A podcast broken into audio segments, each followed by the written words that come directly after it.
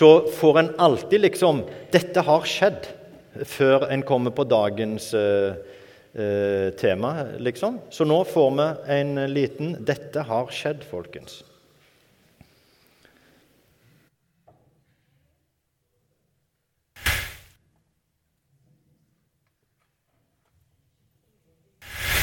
Det var jo vinunderet, da, i, i Kapernaum.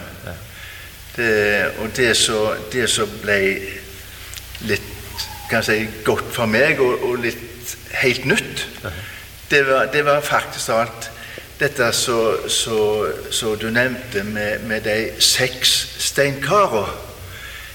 Det var jo en jødisk skikk at de ble brukt til renselse. Nå var de tomme. Og, og de ble fylt med, med vann som ble gjort til vin. Det, det var noe helt nytt som, som skjedde. Og, og, den tråden som går ifra dette og til nattverden som, som Jesus har med, med, sine disipler, og så videre til oss, det som vi får, får ta imot i, i nattverden her, det, det, var helt nytt for meg. Den, den tråden, den var veldig fin å, å, få. Og så nevnte du jo òg dette med, med troen. Det, det, den ble jo litt god for meg. Der står jo at han åpenbarte sin herlighet på slutten der. Og så sto det at disiplene hans trodde på dette. Og tro hva er så det? Er det, er det noe det er, ikke, det er, jo ikke, noe som er bare kan du si, si at vi, vi, tror på det, vi tror på det. Men det er noe som vi har inni oss. Vi vet at dette som vi hører, det er sant. Johannes han, han, var jo, han var jo en av de som opplevde dette. Og det var så viktig for han å for, formidle det videre, så at det ikke skulle bli glemt. Og det er jo dette vi nå har fått del i. At Jesu herlighet, og at vi får lov å stole på dette og tro på dette. At vi vet inni oss at dette er sant. Det, det, det, det er troverdig, dette. Tusen takk, Odd Ingvald Olsen. Og da kommer dagens episode. Eh, og vi reiser oss Gud være lov.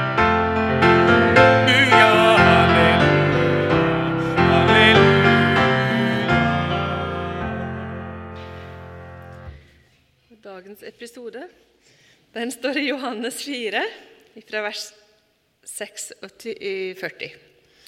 Jesus kom nå igjen til Kana i Galilea, der han hadde gjort vann til vin. I Kapernaum bodde en kongelig embetsmann. Han hadde en sønn som var syk. Da han fikk høre at Jesus var kommet fra Judea til Galilea, gikk han til ham og ba han komme ned og helbrede sønnen, for gutten var døden nær. Jesus sa til ham, uten at dere ser tegn og under, tror dere ikke? Kom, Herre, før gutten min dør, sa mannen. Gå hjem, Sønnen din lever, sa Jesus til ham.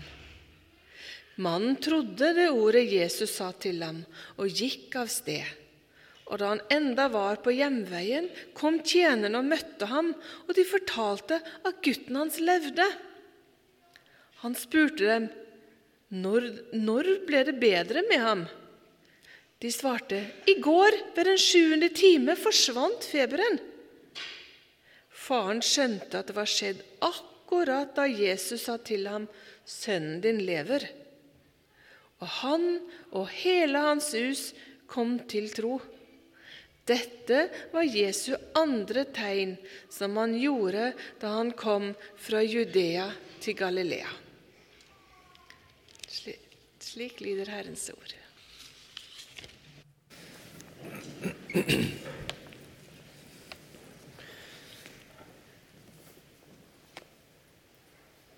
Johannes er altså et øyenvitne, til det som har skjedd. Han har sett det, Han har vært i sammen med Jesus, snakket med Jesus. Eh, og det som han beskriver, det så han. Han var der når det skjedde. Eh, og sannsynligvis så er han en av de aller siste. Det er liksom last man standing som, eh, når han skriver dette. Mange av de andre var, var døde. Men Johannes var en av de som ble gamle, da, og som skrev dette kanskje etter de andre. Og som samla historien om Jesus, det sier han veldig tydelig i evangeliet sitt, med en hensikt. Nå har jeg gått igjennom det, nå har jeg samla det, og dette skriver jeg for at.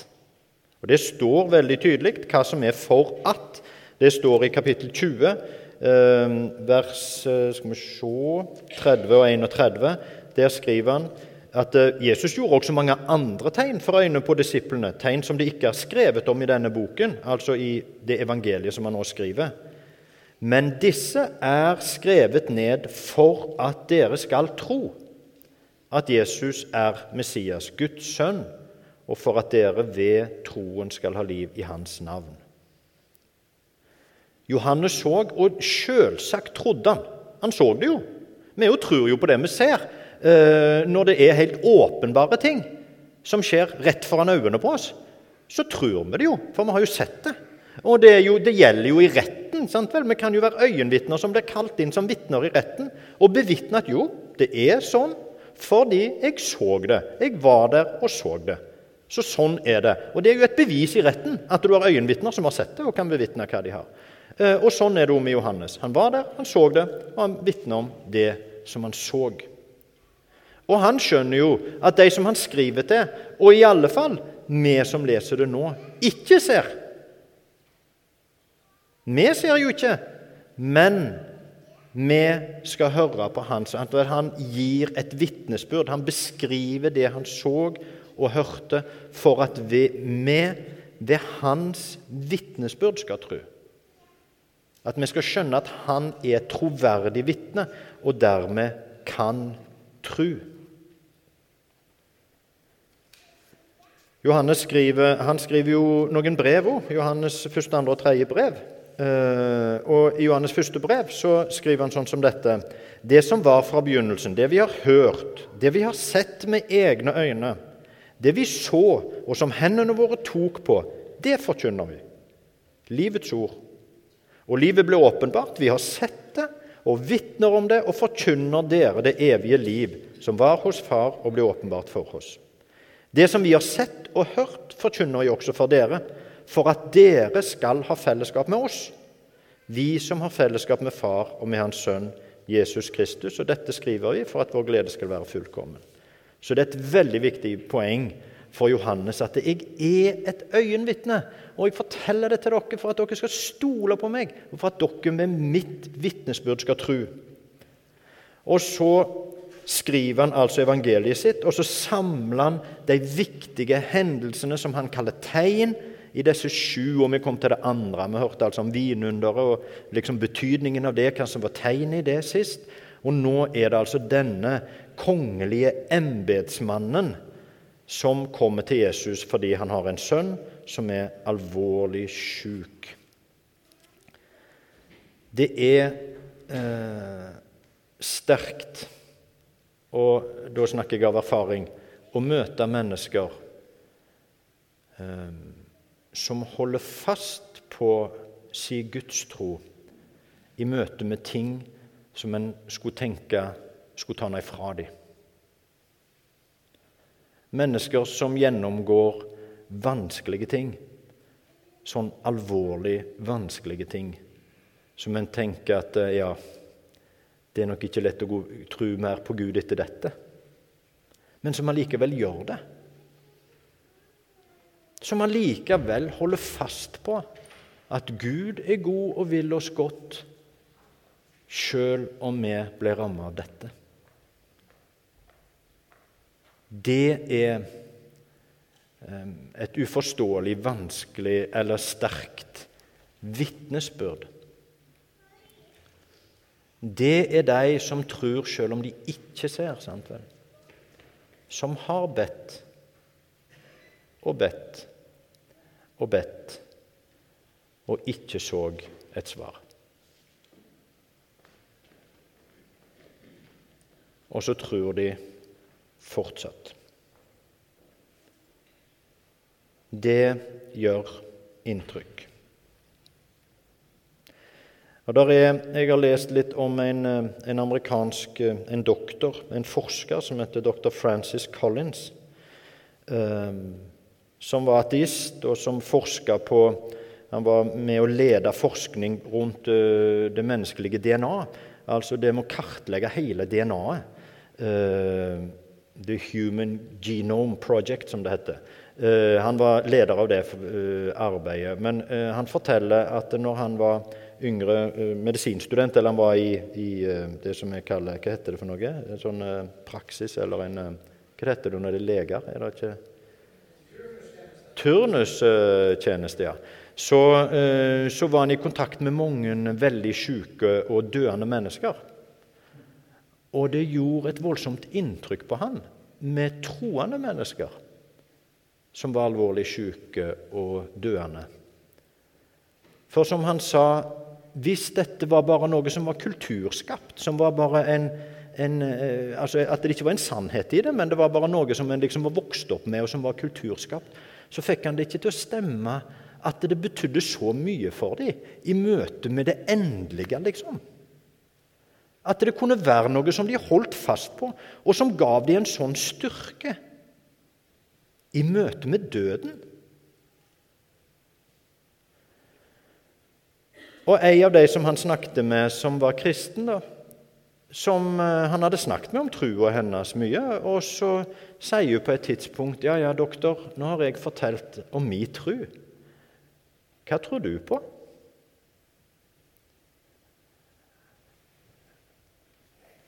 Og det gav han en voldsom Altså, han rødma og han eh, stotra og nei, jeg vet ikke helt. Og det førte til hos han en tanke om at eh, er dette, Går dette an å så Altså, har jeg gjort meg opp en mening om noe som jeg ikke vet noe om? Har jeg bestemt meg for en konklusjon uten å undersøke det først? Det var jo ikke typisk sånn som en har lært at forskere skal gjøre.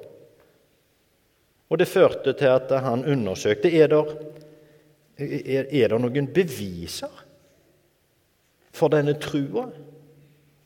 Eller er det bare, eh, er det bare eh, fantasi og eventyr og, eh, og tillærte ting?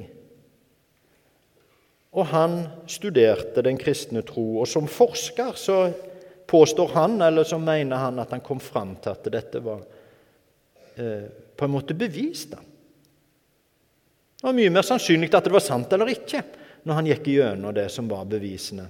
Og han, eh, eh Hvis dere er interessert i han, jeg syns han var en interessant fyr. Det finnes en, et langt foredrag av han på, på nettet. Han har skrevet ei bok som, eh, som heter The God Skal vi se Hva var det den heter?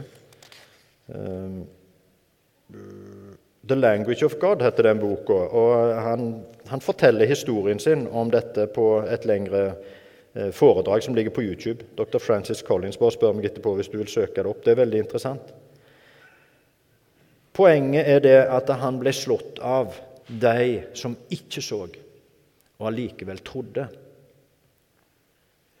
Og den historien vi har hørt det, eh, lest i dag om den kongelige embetsmannen, han var altså en jødisk høytstående, kanskje det som kalles sadukeer. Eh, og i motsetning til fariseerne så trodde de eh, de trodde på forutbestemmelse. De trodde at det, det, som skjedde, det var planlagt på forhånd. Så du kunne på en måte ikke gjøre så mye fra eller til. Eh, og det å be Gud om noe var, eh, gav jo ikke så mye mening, da, for det skjedde jo noe uansett, det som var programmert til å skje. Og om det var en evighet, tja, det var litt uklart. Eh, men det var iallfall ikke vits i å be Gud om noe, egentlig. Men denne embetsmannen var jo en pappa. Og det er jo pappen som stiger fram i denne historien. For han opptrer jo ikke som en sadukeer i møte med Jesus i det hele tatt. Han er en pappa med en gutt som er i ferd med å dø. En helt ekstrem situasjon. En, en, situasjon som noen av oss kan relatere mye sterkere til enn andre. Andre av oss kan relatere til lignende sterke livsviktige situasjoner. Og desperasjonen ligger jo utenpå denne mannen. Han har reist et ganske langt stykke. Det tar 28 timer å gå, men en, han var jo såpass rik at han sannsynligvis hadde hester eller ei kjerre så en to-tre timer iallfall. Så du kan se han for deg hjemme hos familien sin med kona si og så denne sønnen. Og så hører han, har han hørt rykter om Jesus, da, tydeligvis. Og han hører at nå er han igjen i Kana. Og Jeg vet ikke om han fant på det sjøl, eller om kona sendte han av gårde og sier du drar og skaffer den mann til vår sønn. I alle fall så måtte han forlate kona si og sønnen sin døende og dra to-tre timer for å møte Jesus. Og Så kommer han til Jesus, og han opptrer fortsatt ikke som noen høytstående jødisk embetsmann eller sadukeer. Han kneber Jesus. Han kneber Jesus. Han ber han om å komme ned og helbrede sønnen. Og Jesus svarer, uten at dere ser tegn og under, tror dere ikke. Og det er ikke nødvendigvis så uh, på en måte korrigerende som det høres ut, at det, å, dere skal bare tegne under, men det er jo en beskrivelse av sannheten. Dere tror på det dere ser og hører. Hvis dere ser tegn og under, så tror dere kanskje, men uten så er det jo vanskelig å tro. Og mens Jesus sier dette, så kan vi se for oss faren står der. Ja, ok, samme det. Kom, Herre, for gutten min dør. Han, Jesus er jo ikke noen, har jo ikke noe høyere posisjon i det jødiske samfunnet. Han er en det går rykter om. Og så kommer denne jødiske embetsmannen og nærmest faller på kne for han og kneber han, 'Kom, Herre, før sønnen min dør'. Og han, Jeg tenker at han må ha tenkt at det var to mulige utfall av dette. Enten så kom Jesus, og så kan han kanskje hjelpe sønnen. altså Kom og ble med han tilbake. Det var jo det han håpte på. Eller så kunne han jo risikere at Jesus sa nei, og at han ikke kom, og at han ikke, at han ikke ville hjelpe sønnen. Men Jesus gjør jo ikke noe av delene. For Jesus sier jo 'gå hjem'. Jesus blir jo ikke med. Men han sier likevel at det skal gå bra. 'Gå hjem, sønnen din lever', sa Jesus til han. Og Hvis vi klarer å se for oss den situasjonen, vi har reist dertil, vi har hørt rykter om Jesus, hva han har gjort, kanskje vi har hørt om vinunderet Og så kommer vi til han, forlatt den døende sønnen, familien, ber, kom. Og så sier Jesus, gå, reis tilbake. Tre timer til. Reis tilbake uten meg, på mitt ord, på bakgrunn av det ryktet du har hørt. Og der, i den situasjonen, lever vi. Der er vi. Vi har hørt om Jesus. Vi har ikke sett, vi har hørt om han. Vi lever vårt liv, vi kommer til han med våre bønner. Og så sier han, 'Gå' Gå på mitt ord, og så må vi gå så må vi leve livet vårt uten fortsatt å se. Men vi må, ta, vi må satse på det, tro på det, på bakgrunn av de ryktene og de historiene vi har hørt. Noen har snakket om det. Vi har hørt om det, vi oppsøker han, så sier han 'gå'. Der lever vi. Det er et liv komprimert til en dag.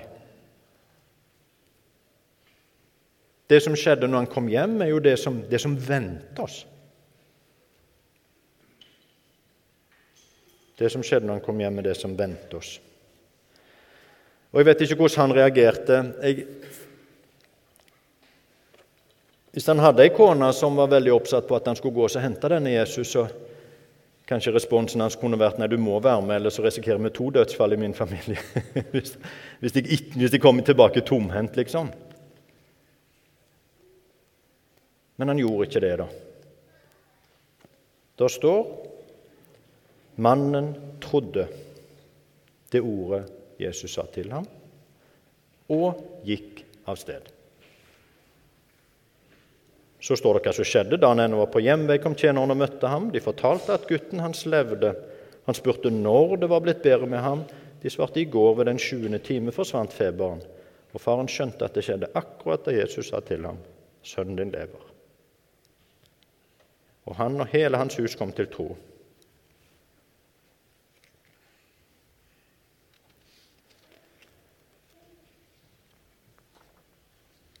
Han gjorde det som er et forbilde for oss. Vi hører, og vi må tro uten å se.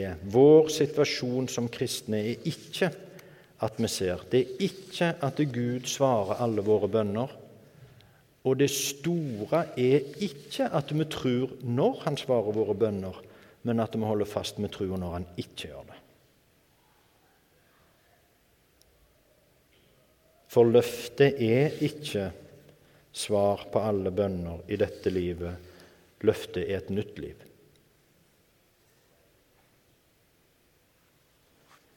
Og det er dette som har forandra vår vestlige kultur i 2000 år. Ikke alle bønnesvar, men alle som har trodd på tross av manglende bønnesvar. Det er det alle de som har holdt fast på dette uten å sett. Salige er de som ikke ser og allikevel tror. Det er Kirka sin historie. De undrene som noen har sett, er glimt av himmel. Det er ikke normalen. Normalen er at vi hører fra øyenvitnene, og vi handler på det. Tro er ikke å håpe på det. Det er å holde det for sant på en sånn måte at vi lever livet vårt som om det var sant. Det som den kongelige embetsmannen gjorde, han handla som om det Jesus sa, stemte. Jesus sa 'Gå hjem, din sønn lever'. Ok, hvis jeg drar hjem nå, så er det jo fordi jeg må satse på at det du sier, er sant. Og så gjorde han det. Han levde livet sitt som om det stemte. Og det er kristen tro. Det er kristen tro. Å holde det for sant og handle som om det stemte. Det er ikke å håpe og famle og liksom lage en eller annen følelse i oss som vi griper det med.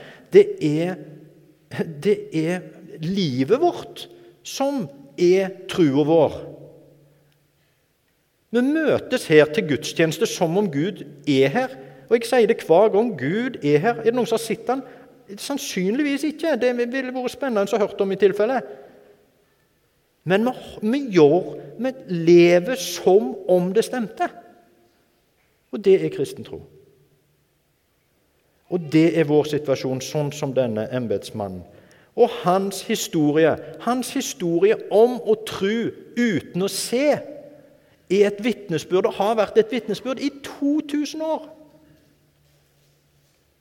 Hva vet du om hvor mange som opplever det utfordrende og et kall til kristen tro å se at du holder fast med tro, på tross av at du ikke ser?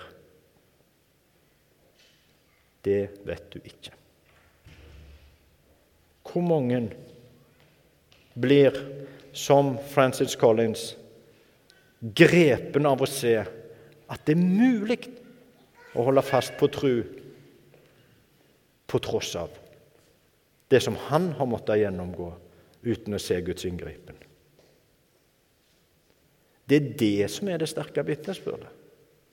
Det er alle de som handler uten å se, som forandrer verden.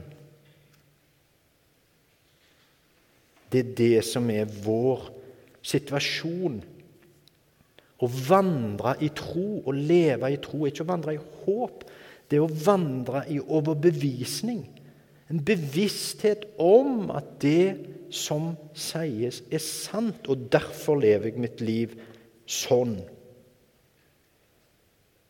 Og så er det sånn at det er et element i dette. Jeg, jeg vil jo gjerne liksom bare banke dette inn i hodene på hele gjengen, sånn at det sitter en gang for alle, og så at vi liksom er ferdig med det trosgreiene. Så har vi den på plass. Så enkelt er det vel kanskje ikke. Og det kan nok godt være fordi jeg ikke er bedre til å banke, men det er òg sånn at eh,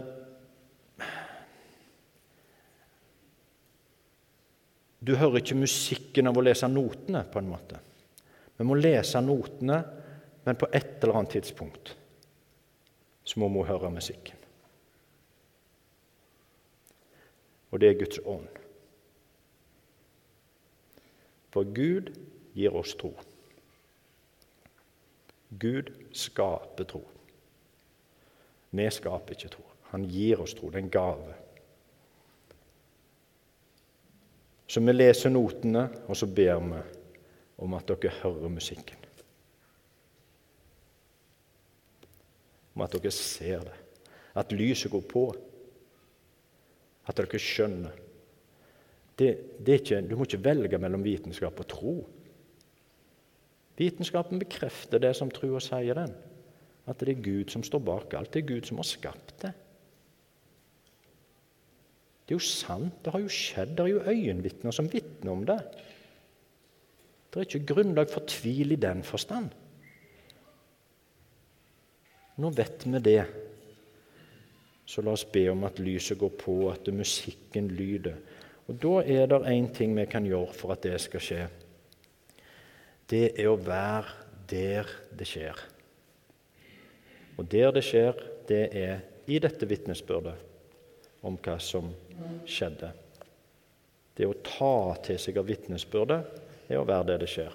Det å være her er å være der det skjer.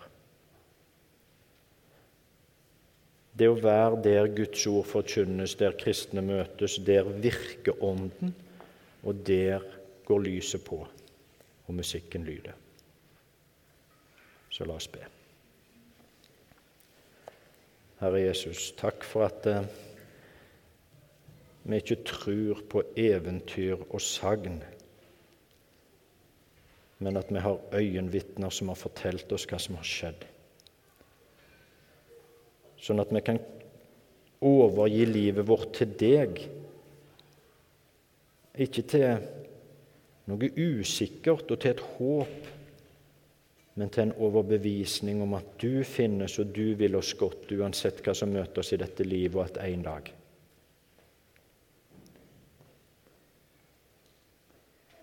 Og Herre, vi vet det, nå har vi hørt det. Vi ber om at lyset går på, at vi får se det.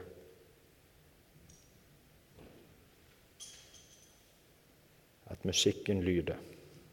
I Jesu navn. Amen.